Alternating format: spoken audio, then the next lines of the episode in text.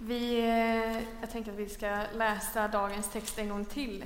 Jag har ju hört att repetition är kunskapens moder, så jag tänker att vi, vi läser den en gång till.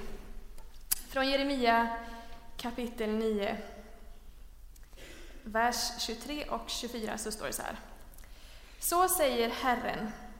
Den vise ska inte vara stolt över sin vishet, den starke inte över sin styrka, den rike inte över sin rikedom.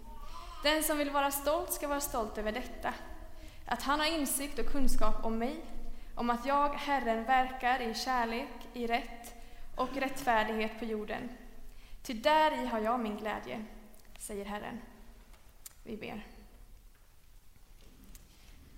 Tack, himmelske Far, för att vi får samlas här idag och fira gudstjänst tillsammans. Och nu ber jag för att du ska öppna våra hjärtan för ditt tilltal. Tala till oss var och en och som gemenskap. I Jesu namn. Amen. Är det någon här inne som någon gång har blivit väckt av eh, en hink med iskallt vatten? Ingen? Eller på något annat obehagligt sätt? Det måste vara någon som varit på läger här till exempel, tänker jag. Jag har varit med på de här Explore och Särna nu och det är ofta väldigt ja, men fascinerande sätt som man kan bli väckt på ändå. Oftast så sover man ju också väldigt skönt på de här lägren för man är ju ganska trött den tiden på dygnet. Och så kommer det några härliga, kanske utklädda personer och eh, ja, hoppar i sängarna eller vad det nu kan vara. Ibland så tänker jag när jag läser Jeremia att eh, han fick ett uppdrag av Gud att hälla iskallt vatten över folket när de sov sin skönaste sömn. Och jag tänker att det kanske inte bara var så att han fick hälla det här vattnet över Israels folk där och då. När jag läser Jeremia så finns det ganska mycket som också jag känner igen i vårat samhälle, i vårat sammanhang även idag. Att läsa Jeremia tycker jag ibland är som att liksom bli väckt när man sover sin skönaste sömn på ett lite mer obekvämt sätt.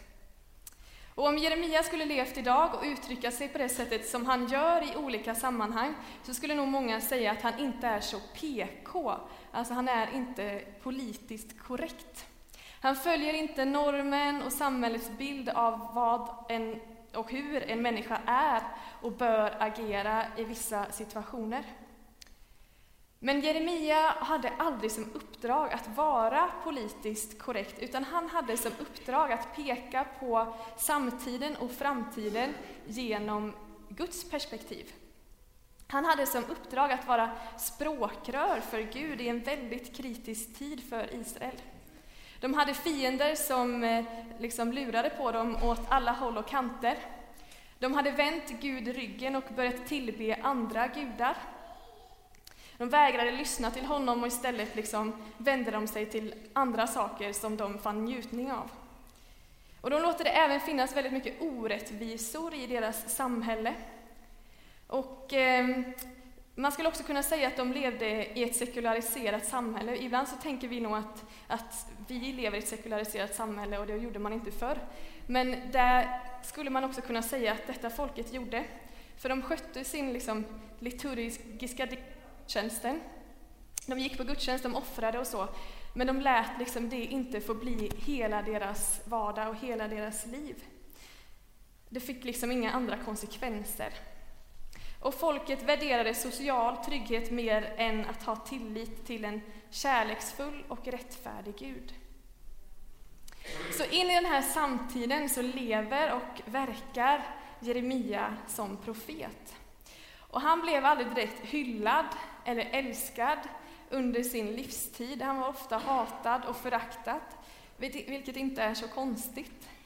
Man gillar ju inte ofta de som väcker en med det här kalla vattnet när man sover så skönt och har det så bra. Liksom. Han talade om sånt som gjorde ont att möta. Gud kom med liksom skarpa bud genom Jeremia till sitt folk. Och i dagens profetia som vi har fått läsa så står det att folket inte ska vara stolt över vishet, styrka eller pengar. Och när jag läser det så tänker jag så här att vi är nog inte så olika dessa människor som Jeremia talade till. Det är nog även ett obekvämt tilltal till oss idag. Dessa tre områden kan vi nog ändå säga präglar mycket av det svenska samhället idag. Dels speglar det vårt begär efter njutning och att hela tiden ha mer. Alla dessa tre saker vill ofta vi ha mer av. Mer styrka, mer vishet, mer pengar. Och varför vill vi det? Jo, jag tänker att det bland annat är det liksom en social trygghet, men också ett sätt att mäta om vi är lyckade eller inte. Och det är där vi ofta kan känna stolthet och även välbehag i de här tre områdena.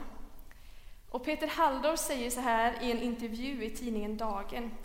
Peter Halldorf som är eh, pastor och författare och eh, en massa annat. Han säger så här. Inte så att Jeremia generar den som har pengar, utan det är när vi börjar säga att det som är mitt, det har jag själv gjort mig förtjänt av. Det är då det börjar bli destruktivt, för jorden tillhör Gud, vi förvaltar den enbart. Slut citat. Alltså styrka, pengar och vishet är alltså någonting som vi i många fall anser att vi gjort oss förtjänta av. Och på det viset blir vi inte stolta över den Gud som har skapat förutsättningarna för oss, utan istället blir vi stolta över oss själva och vår egen förträfflighet inom dessa områden. Och visst kan man också ibland se liknande tendenser inom våra församlingar, tänker jag. Att vi ibland mäter våra framgångar genom statistik, hur många som går på gudstjänst, hur väl vi lyckas, lyckas med vår marknadsföring och så liksom klappar vi oss själva på axeln och säger att nu har vi varit duktiga, det var bra gjort. Liksom. Nu har vi lyckats.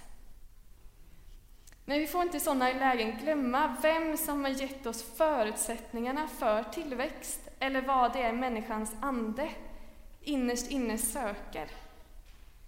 När de kommer till en församling, vad söker Jag tror att människans ande hela tiden söker efter Guds ande och en kristen gemenskap.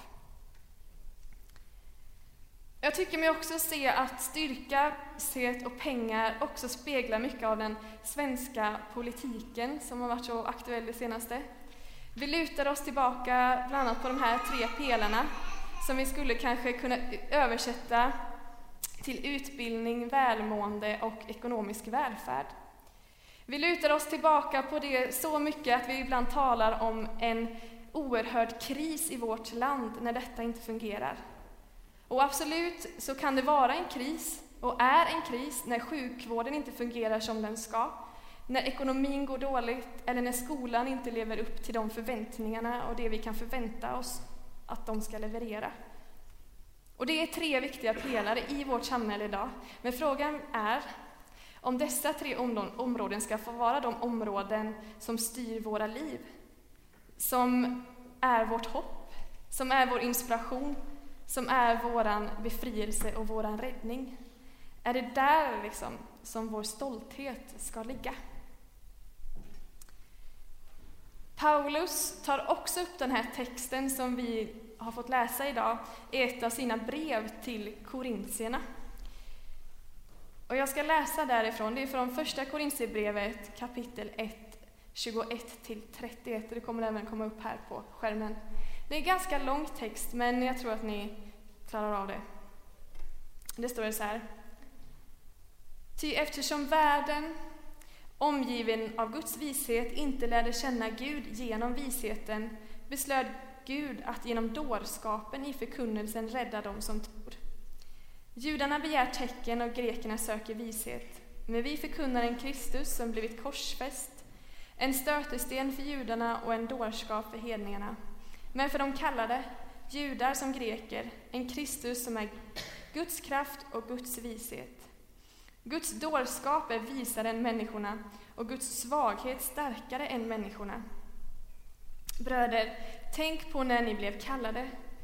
Inte många var visa i världslig mening. Inte många var mäktiga, inte många förnäma.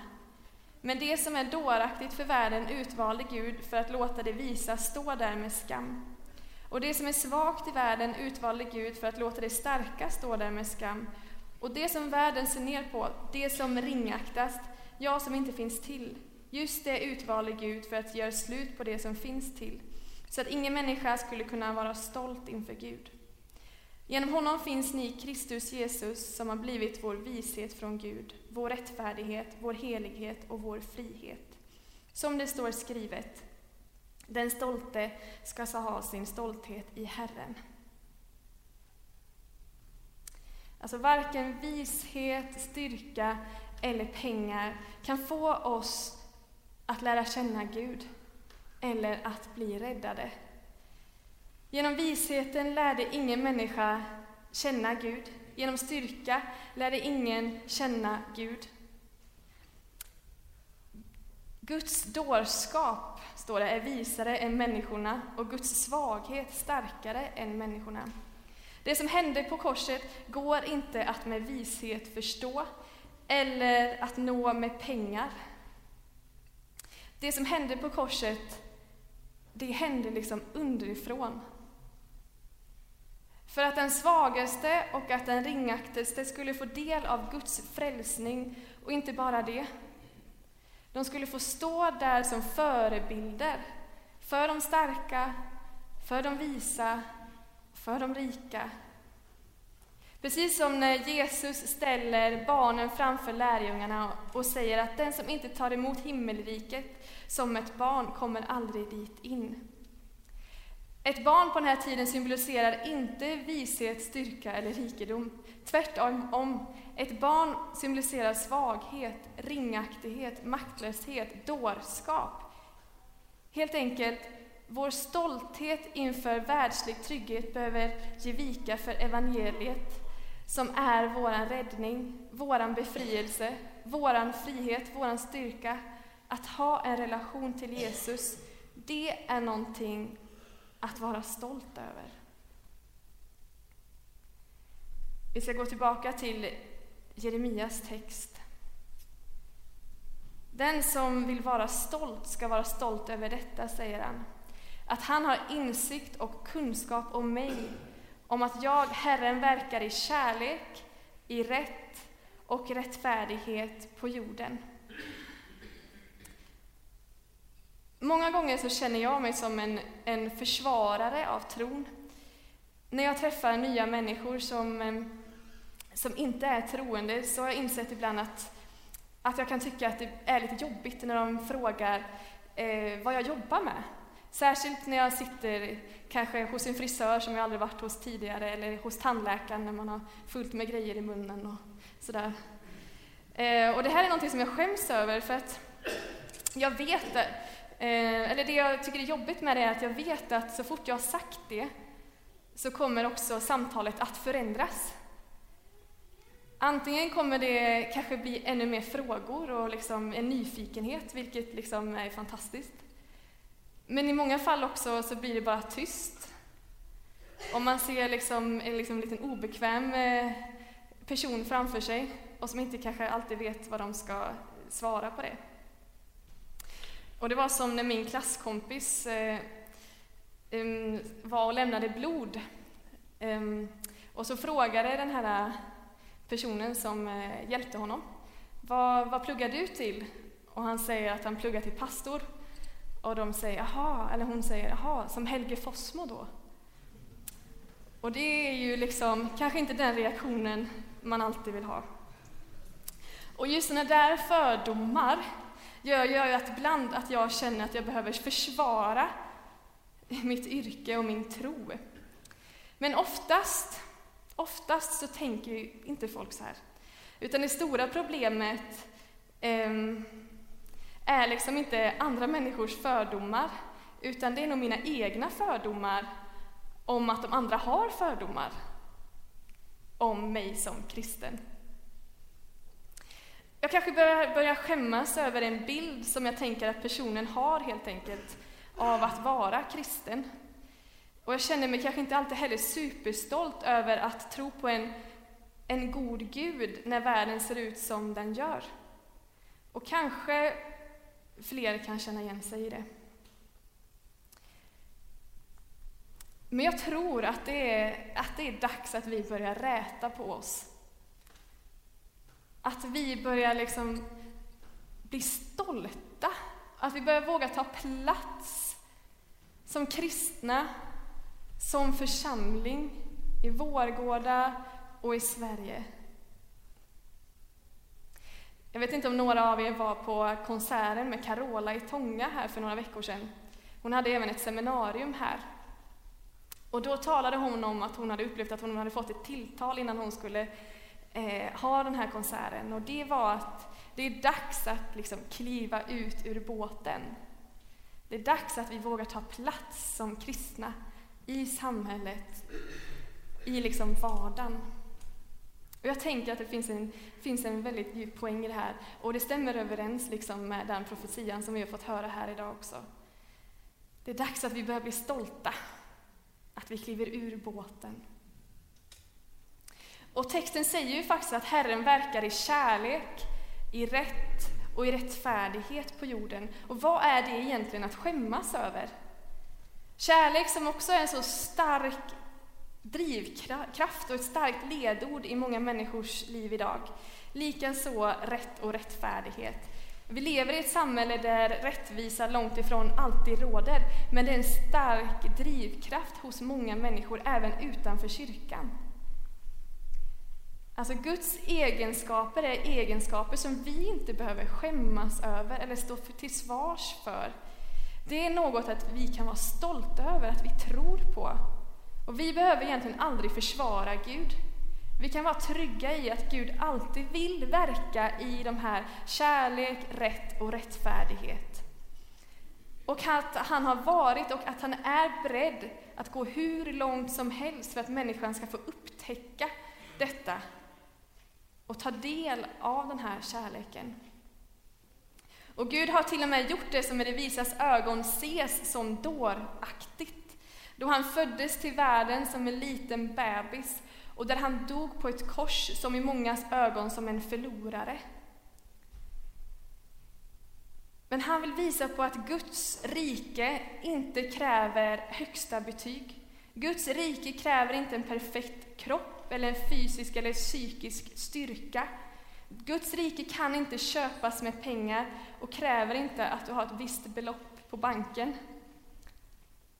Guds rike är för den svage, för den fattige, för den ringaktige, för barnen, för de som inte kan riktigt greppa vad som hände på korset, för den som emellanåt misslyckas, för de som känner sig otillräckliga, för den som inte greppar allt om Gud, för den som eh, är sårad, för den som har förlorat mycket. Guds rike är för oss alla. Men vi måste våga släppa in innanför vår fasad. Vi måste våga släppa på vår stolthet och vår egen självförträfflighet. Guds rike som är så gott, det är verkligen för alla att ta del av och det är någonting att vara stolt över. Jag tror att vi behöver sluta vara rädda för andras fördomar om oss, som egentligen kanske är våra egna fördomar. Förutsätt inte att andra har fördomar, utan förutsätt att den här människan som du har framför dig, den vill Gud så mycket gott och har så mycket kärlek till den här personen att ge igenom dig i den här situationen. Vi behöver inte prestera en massa för att Gud ska bli en god eller en kärleksfull Gud. Och det är egentligen ingenting som vi behöver övertala andra med heller, tänker jag. Det räcker med att vi som individ och som församling, att vi sätter vår stolthet i honom. Vårt hopp till honom. För det är Gud vi har att tacka för våra liv, för vår församling, för vår natur, för allt det som vi har runt omkring oss. Och vi kan räta på oss och vi kan vara stolta för, vi, för att vi får ha en relation till den här levande guden som vill alla människor så gott. Vi ber.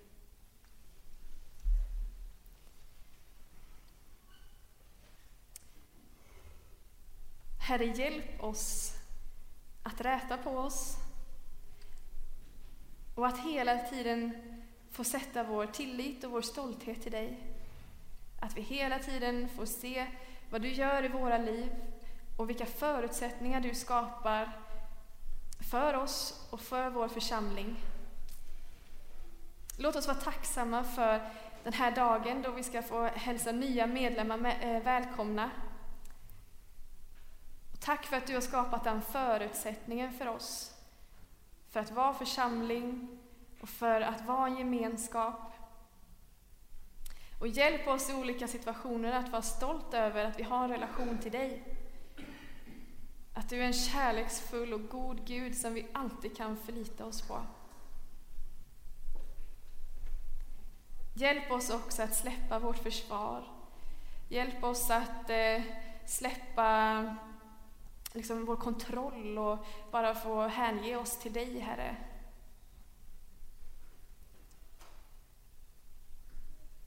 Hjälp oss också i de olika områdena i våra liv där vi känner att, att vi håller fast så hårt för att det är vår trygghet, liksom, oavsett om det gäller pengar eller styrka eller på andra sätt, kanske vishet, kunskap. Hjälp oss, Herre, att se vad vi behöver jobba med i våra liv